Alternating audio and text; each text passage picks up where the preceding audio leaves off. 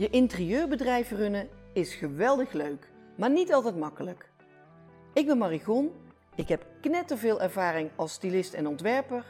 Ik ken de interieurbranche op mijn duimpje en ik laat je graag nieuwe invalshoeken zien voor waar jij als interieurprofessional tegenaan loopt. Je bent net gearriveerd bij je nieuwe klanten. Dat is een spannend moment, voor mij ook steeds weer. Hoe zal het gesprek verlopen? Is er een fijne klik? Kun je echt van toegevoegde waarde zijn met jouw expertise?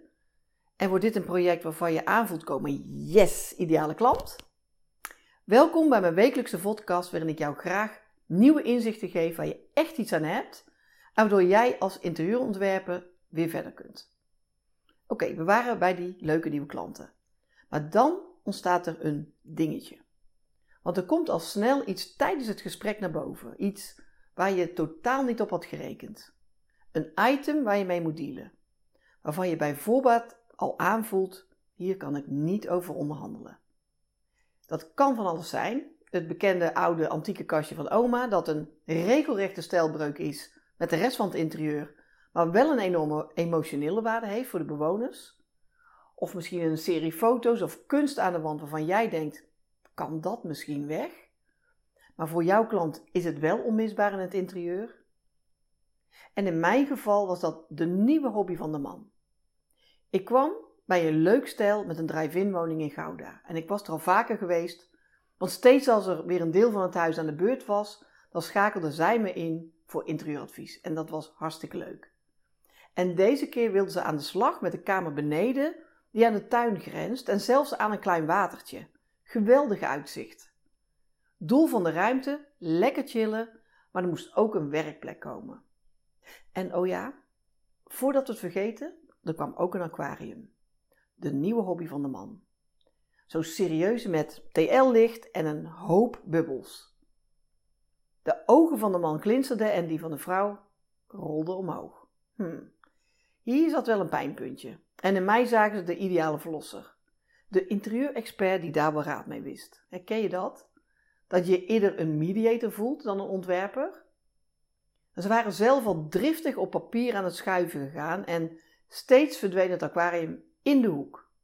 En die neiging had ik in eerste instantie ook, want je moet er wel echt van houden, van zo'n waterbak met tropische vissen. Toch ging ik door met het schuiven met mijn schaalmeubels. Er moesten andere opties zijn waar nog niet eerder aan was gedacht. En ik ging spelen met de functies van de ruimte. Chillen en werken.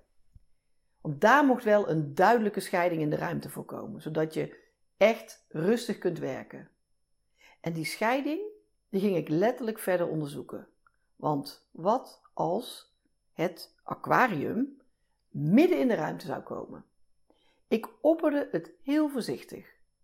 De ogen van de man gingen nog meer glinsteren en die van de vrouw zeiden heel duidelijk: nee.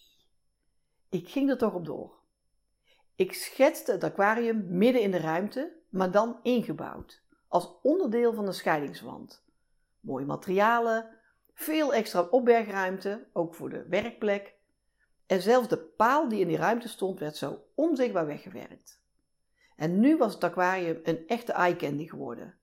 Je kon er aan beide kanten van genieten. En omringd door een mooie kast op maat, werd deze vissenkom ineens een parel in de ruimte. Deze ruimte was nu een echte eenheid met duidelijk twee heel verschillende functies. En dit is nou precies waar mijn hart harder van gaat kloppen. Als je ziet dat alles op elkaar valt en echt iedereen happy is met het idee. En we blijven het tegenkomen.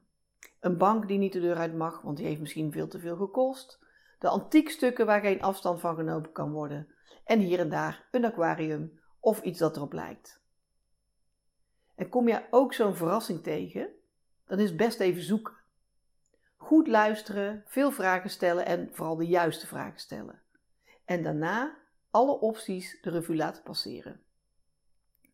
En ook als je bijvoorbeeld al denkt, hmm, dat wordt niks, gewoon doorgaan. Dat kan ter plekke bij de klant aan tafel, maar als je het gevoel hebt dat je dat beter in alle rust alleen kunt doen, neem die ruimte. Leg gewoon uit dat je er goed over na wilt, doordenken. En dat kan alleen maar positief uitgelegd worden. Want dit is precies waarom wij als interieurontwerpers hard nodig zijn. Dit is onze expertise. De klant zet zelf het aquarium in de hoek. Maar door onze input kunnen de vissen door vier zijden naar buiten kijken in plaats van door twee.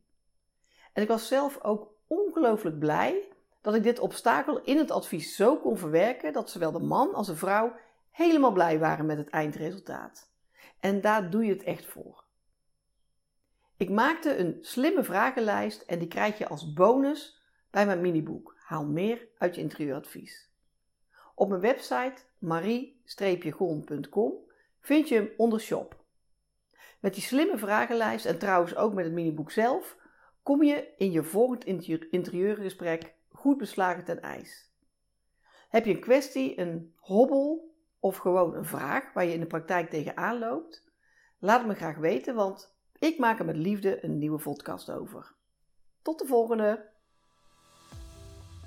Leuk dat je luisterde of keek naar deze podcast. Loop jij regelmatig tegen dingen aan in je interieurbedrijf waar je geen raad mee weet? Ik kijk graag met je mee en zoom in en uit op jouw bedrijf. Ik zie razendsnel welke winstkansen er voor jouw interieurbedrijf zijn. Ga naar marie-gon.com, start simpel met het invullen van de vragenlijst op mijn coachingspagina en ik neem heel gauw contact met je op.